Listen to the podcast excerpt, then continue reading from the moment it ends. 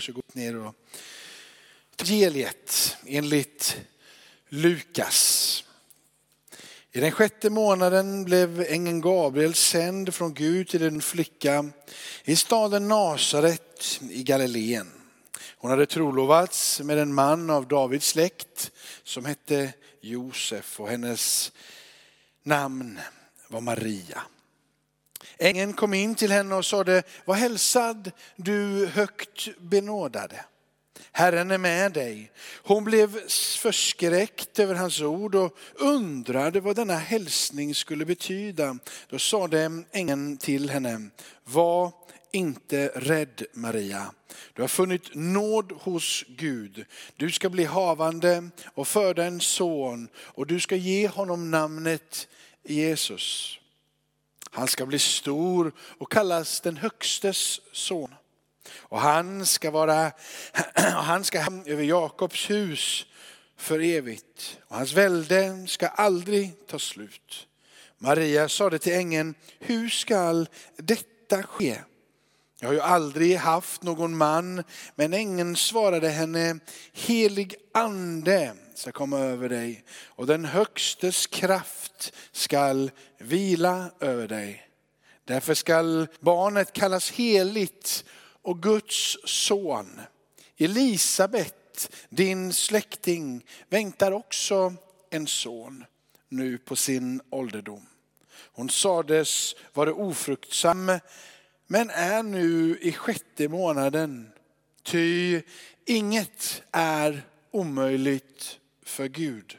Maria sade, jag är Herrens tjänarinna. Må det ske med mig som du har sagt. Och ängeln lämnade henne. Så lyder det heliga evangeliet. Och att vare du Kristus. Amen and amen. Eh, det är ju fantastiskt att det bara är nio månader kvar till jul. Eh, eh, för det är ju det som är sanningen, det är ju, det är faktiskt så. Va? Och det är ju fantastiskt att vi kan bli påminda Eh, om, om detta fantastiska budskap. Men, men det är ju så här att eh, det passar ju ganska utomordentligt att tala om Guds mäktiga verk utifrån berättelsen med Maria. Det ligger ju då i kyrkåret inbäddat här runt omkring fastan. Eh, för att fastan innebär ju egentligen att du kommer till Gud med ingenting. Du kommer till Gud och du försöker avskala allting och säger så här är jag. Säger Gud, jag har ingenting att ge dig, eh, utan jag bara rör vid mig, jag är i behov av dig. Jag talade om fasta någon gång här innan och pratade om att det är Guds, ehm, det är inte en genväg i att få det Gud vill, utan eh, det är för att få klar syn, en klarsynthet. När du fastar och ber så ska du förstå Guds väg. Ibland så är Guds väg en ganska lång väg, men, och inte en genväg, men det är Guds väg och att bli klarsynt. Men fasta innebär ju också att säga att jag, Gud jag har ingenting och göra mig sig fullständigt beroende av Gud. Så det passar också i fastan att prata om Maria, för Maria hade ingenting att erbjuda Gud. Gud sände en ängel till Maria. Och eh, Maria gör någonting som du och jag bör och eh, lära oss som kristna och som vandrar tillsammans med Jesus. Det är att lära oss att lyssna i tro. Att lyssna till det Gud säger, att höra det som Gud säger och vilja följa det som Gud säger. Eh, det är så eh, Maria prisar Gud, ditt mäktiga verk. Och det är så vi kommer ihåg berättelsen om Maria. Det är därför den är så central. Maria gör ingenting. Maria har inga meriter, Maria har ingen status, Maria har ingenting att erbjuda Gud överhuvudtaget. Maria kan inte köpslå med Gud, Maria kan inte göra ett enda dugg. Hon är ett litet, litet, liten tonårsflicka som kommer från en liten, liten sketen by. Och hon, hennes familj är ytterst, ytterst fattiga. Hon har ingenting att ge denna väldige Gud som sen är en av sina väldiga änglar som kommer in och talar och säger du högt benådade. Och det sättet är det som Gud vill adressera både dig och mig där vi är. Du högt benådade. Men eh, jag tror att vi ibland försöker komma till Gud med det vi har. Och när vi kommer till Gud med det vi har så är det enda han försöker tala om för oss då om och om igen är att du ingenting har. Och det är först när vi inser att vi ingenting har som vi kan ta emot det som Gud har och ge. Och den eh, paradoxala resan är svår. Men det, man ska komma ihåg att de flesta sanningarna i Bibeln ibland är paradoxala. Det vill säga till exempel att Gud är 100% människa, 100% Gud. Hur får man ihop det där? Paradoxalt. Va? Och mycket av det som, som, som står i Bibeln att Gud är höghelig och att han är på sin tro men att han samtidigt bor mitt ibland oss i ditt och mitt hjärta. är hyfsat paradoxalt. Hur får man ihop det med ett sunt förnuft och logik? Logik passar inte ihop med de här paradoxala sanningarna. Och då försöker vi med logik komma in i någonting som blir villoläror. Grunden för villolära eh, ligger i att man väljer någonting på bekostnad av någonting annat. Det är då det blir en villolära. Så när du tar en överbetoning på ett Gudsord före någonting annat så slutar det alltid i villoläror. Om du tar en överbetoning på att Jesus är 100% människa så överbetonar du i motsatsen till att den är 100% Gud. Och när du gör någonting på bekostnad av någon annan biblisk sanning så blir det en villolära i slutändan. Det är det som ordet villolära i botten på det grekiska innebär. Att du väljer någonting före någonting annat där båda två kan vara en sanning. Då blir det en vill och lära. Är ni med? Och när det kommer till det här eh, livet tillsammans med Gud, att lyssna i tro så eh, handlar det om att Maria tar emot någonting för att verka ut någonting. Hon, kan, hon måste ju säga, ja, jag är på. Men det som är det vackra med tillsammans med resan tillsammans med Gud, det är att när du vilar i tro och du låter Gud lite, det var någon som sa så här, jag håller inte riktigt 100% med men jag tycker det är fint. När vi i likgiltighet emot Gud vilar i hans strategi eller i hans resa. Det är då det faller på plats. Du och jag måste på något sätt bli lite likgiltiga inför vem Gud är för att först då kunna fullständigt kapitulera in för det han vill göra med oss och vad det är han vill föra dig och mig. När strategin, idén, tanken om vad det är Gud vill göra tillsammans med oss är högre och starkare betonat än din och min vila i vem han är och vad han vill göra. Så har vi gått förbi att vi ska förtrösta och lita på honom. Vi, betyder ju inte, alltså om vi då lägger våran, våran tyngdvikt i strategin. Även om Gud säger planera, tänk ut, beräkna kostnaden och allting vad han säger. Så när vi lägger tonvikten på att Gud kan tala till oss och därför har en väg och en strategi. När det är viktigare än att vandra i förtröstan och inte veta så blir det det blir för övertonat på ena sidan. Och i den här berättelsen om Maria, när hon nu ska verka fram den enda sanne levande Gudens son, Gud med oss. 800 år innan Jesus föds så profeterar Jesaja och säger en jungfru eller ett flickebarn ska bli havande och denna, flicke, eh, denna, denna flickebarn ska föda Immanuel, Gud med oss. Och när det händer sen, när det kommer efter 400 års tystnad och Gud börjar tala genom ängeln till Maria. Och Maria står där, så säger hon, hur ska det gå till? Hon ställer en fråga, sådär. men det finns ju inga klara strategier. Det finns liksom, vem ska tala det här? Hur ska det här fungera? Vad var det nästa steg? Och du säger det här men vem beskyddar mig? Vem ska tala om för min mamma och pappa hur det här ska fungera? Vem viskar till mina syskon? Vem pratar med mina kusiner när de kommer klandra mig? För att jag har haft sex med en annan man eller innan äktenskapet. Vad ska Josef säga? Det är väldigt lite av hur det här ska gå till. Men hon vilar i att det är Gud som talar. Hon vilar i att hon har ingenting att ge, men Gud har allt att ge. Kolosserbrevet kapitel 1. Jag slänger ut min predikan lite snabbt för jag visste inte om jag skulle hinna med alltihop. Så betar jag av lite pö om pö här. Kolosserbrevet 1.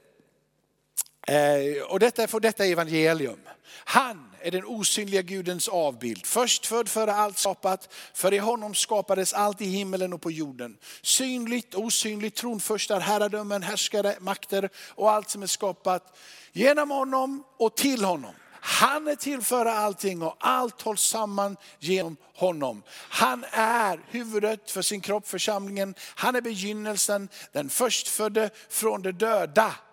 För att det han allt skulle vara den främste. Gud beslöt att låta hela fullheten bo i honom. Så Gud i sin vilja sa, jag beslutar att allting som är värt att veta om sanningen om vem jag är, det placerar jag i min son. Så allting som finns och börs veta och förstå om vem Gud är, hur han är och vad han gör och så vidare, ligger i Jesus Kristus. Gud beslöt enhälligt, det var ingen demokrati, det var ingen omröstning. Det var, jag låter hela min fullhet bo i Jesus Kristus. Jesus är därför vägen, sanningen och livet. Och genom honom Genom Jesus och inte genom dina och mina gärningar. Inte genom att du och jag är snygga, inte genom dina och mina kvaliteter, kapaciteter, vad vi har att tillföra. Ingenting utan vad vi är och vad vi har och vad vi gör. Utan allting i vad han är och vad han har gjort. Försona allt med sig själv. Och sedan har han skapat frid. I kraft utav blodet på hans kors. Frid genom honom, både på jorden och i himmelen. Det här är evangelium, det här är ditt och mitt uppdrag. Det är det och det som ska predikas. Och Maria står där som en förstling utav alla dessa tjänare som sedan ska följa denna mästare, denna Messias. Denna Maria som tar emot budskapet först av alla. Ta och bär hela gudomen på insidan. Denna Jesus som ska bli världens frälsare. I nio månader så bär hon, det är så typiskt Jesus, att, typiskt Gud att välja det som är så ringa och göra så mycket genom det som inte har något anseende i den här världen.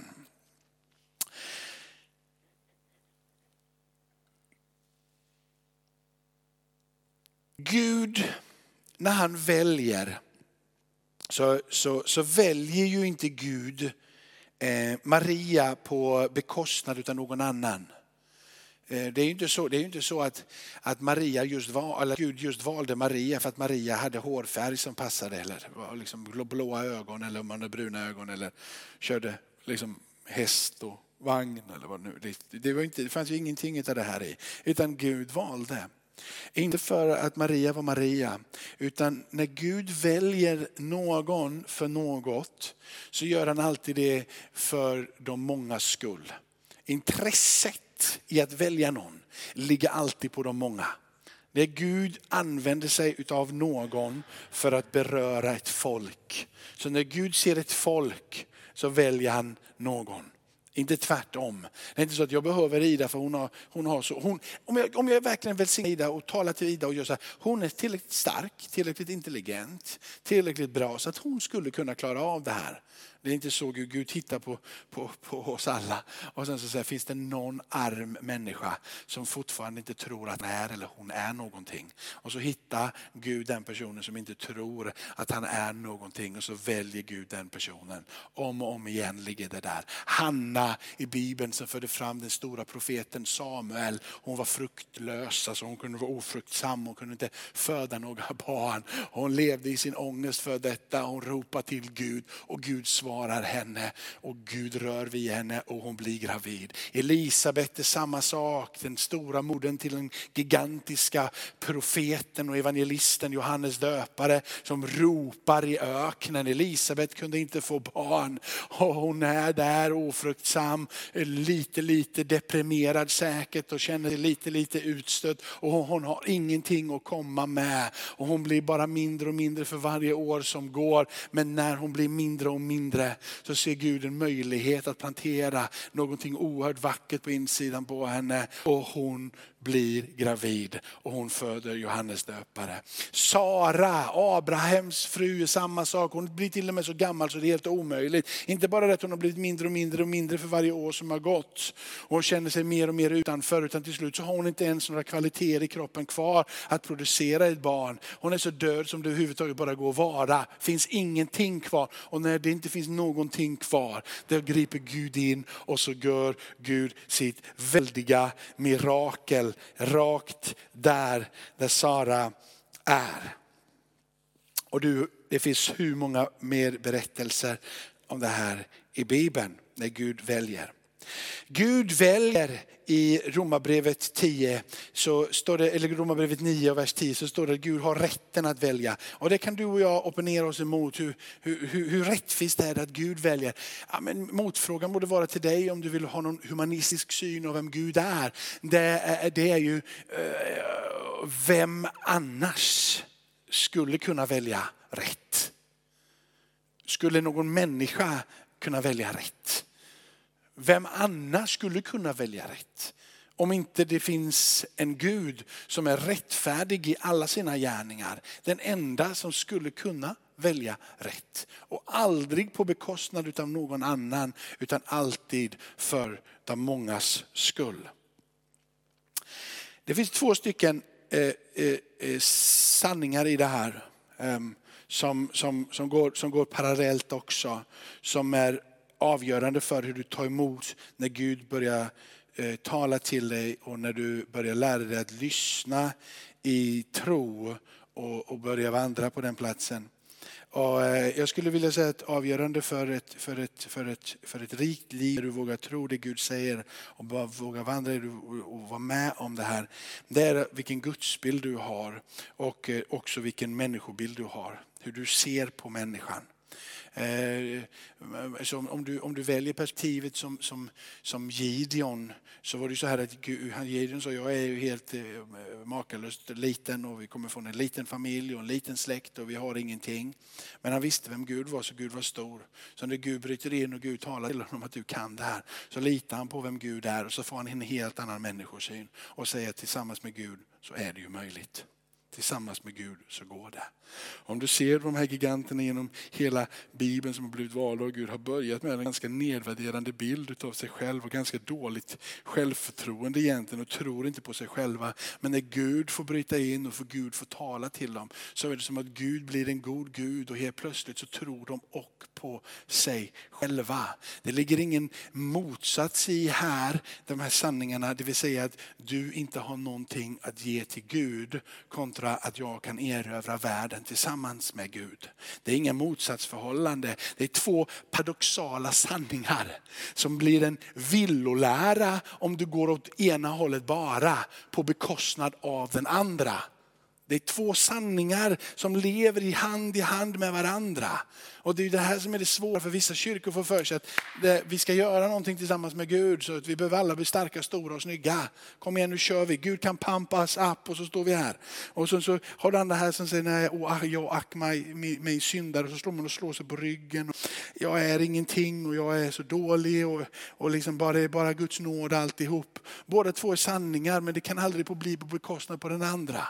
Utan det är du och jag avvecklar oss själva inför Gud för att dö bort ifrån oss själva. För att inse att vi har ingenting att komma till Gud med. Och när vi kommer till Gud med ingenting, det är då som vi kan få vara med om att göra allting med Gud. Helt plötsligt så kan du få bli stark med Gud trots att du är svag. Då kan du få som Paulus säga ut att min yttre människa den bryts ner konstant hela tiden. Men min invärtes människa, det livet Gud har gett, det växer till liv för var dag som går. Min gudsbild och vad jag alltid har levt med, vi, vi kanske inte hade rätt gudsbild alltid i vår, i vår familj, vet jag inte. Men en sak som vi alltid pratade om i vår familj när jag växte upp, det var att Gud är en god Gud. Gud är ingen Gud som kommer tillbaka med, med eld och piskar ihjäl alla människor, utan Gud är en god Gud. Gud är en Gud som skapade eh, den här planeten. Han är initiativtagare till det, han tar hand om det. Det finns en god Gud i bakom allting. Han är initiativtagare. Han är inte skälparen, dödaren, förstöraren. Han är den som vårdar så bra det går, trots att vi har en vilja att hela tiden springa iväg åt våra håll. Han är hela tiden en omfamnande, omsorgsfull och barmhärtig Gud som söker att upprätta och upprätta och upprätta så fort han får ett tillfälle. Och där i så ligger det också att man, har man en bild av att Gud är en god Gud så får man per automatik också en ganska vettig människosyn. För det är så här att, att om Gud är en god Gud, inte skapar han alla människor bara fullständigt genom rakt elaka. Det är väldigt få människor faktiskt. Även om vi ser mycket elakheter i världen och människor behandlar varandra orättvist. Så är det väldigt få människor som vaknar upp på morgonen och ska gå till skolan och säga jag tror jag ska döda ett par idag. Alltså med rent rakt igenom. Jag tror, jag tror, väldigt få människor som faktiskt vaknar upp på morgonen och säger jag tror jag ska råna en bank idag. Det är väldigt få människor som reser sig upp ur sängen och tänker sig jag tror jag ska gå och slå någon idag. Det är väldigt få. Om du jämför med hur många det är som vaknar upp på morgonen och säger, undrar vad jag ska göra idag för att hjälpa någon annan. Eller bara tänker att jag ska bara försöka vara en god människa. Eller inte ens tänker på det. Men faktiskt inte gå ut ur dörren för att försöka döda, mörda och slå sönder. I grund och botten så är vi ganska goda. Men det innebär inte att vi inte behöver försonas med Gud. Det innebär inte att inte Gud dog för alla människor för att vi ska få kunna komma tillbaka till Gud in i den djupa innerliga relationen. Någonting på insidan av oss finns nämligen inte. Och Bibeln uttrycker det som att du behöver ha livets bröd, det eviga livet på insidan. Det var därför som Maria vågade ta emot. För hon lyssnade och hörde att Gud vill lägga ner något av det mäktigaste som Gud kan göra insidan på henne för att föröka och planteras i dig och mig idag. Gud med oss.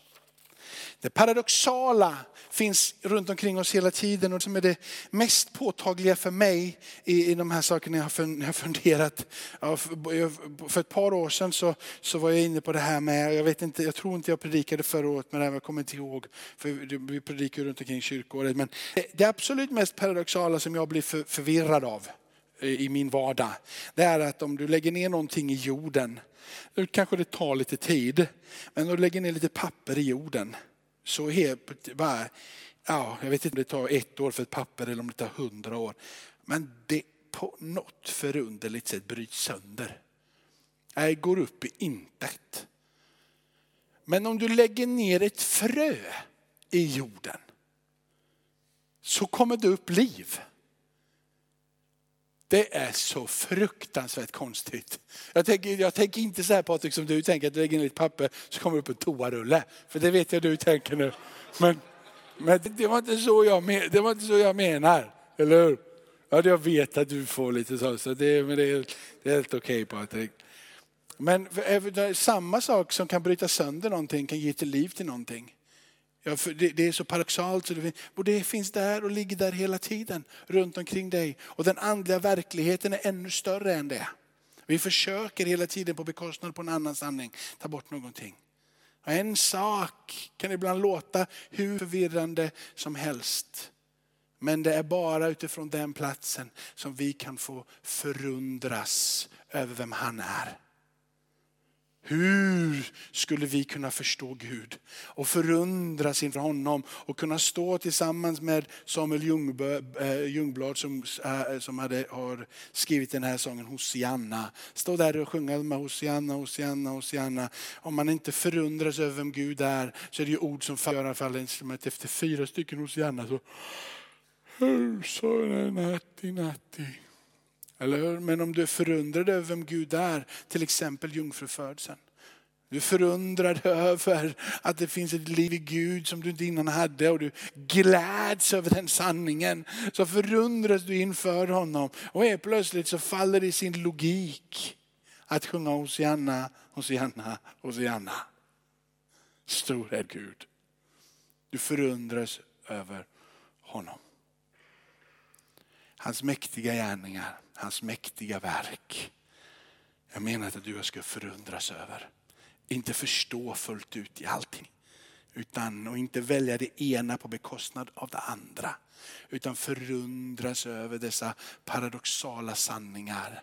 Över hur på ett sätt logiskt det är, men på ett sätt hur fruktansvärt svårt det är att förstå. Och hur stor Gud är som i ena andetaget kan vara hög och helig och i andra andetaget bo i ditt och mitt liv hur vi är i behov av att han möter dig och mig och frälser dig och mig där vi är. Och vi måste ta emot hans eviga liv trots att han är en god Gud som har skapat himmel och jord och älskar dig och mig innan vi ens visste vem han var. Tackar dig Fader i himmelen för att vi får komma till dig och lära oss att förundras över vem du är. Lär mig att förundras över vem du är. Att inte ta för givet, trots att du har kallat mig att leva i vardagen och inte leva som någon höghelig munk någonstans som om det skulle vara bättre. Utan leva som en vanlig Svensson med familj, ha, ha ett jobb, tjäna pengar, köra bil, vara smutsig, behöva duscha, klä mig, vara helt vanlig. Men samtidigt i det förundras över hur stor du är. Vill ehm, kapitulera inför dig, ge upp inför dig. Skala av oss inför dig Herre, universums skapare, en sann levande Gud. Så att vi kan på riktigt se din storhet. Förundras över dina mäktiga gärningar bli tagen utav dig, gripen utav dig och förvandlad utav dig själv. Ditt inomboende liv. Vi vill ta emot det här.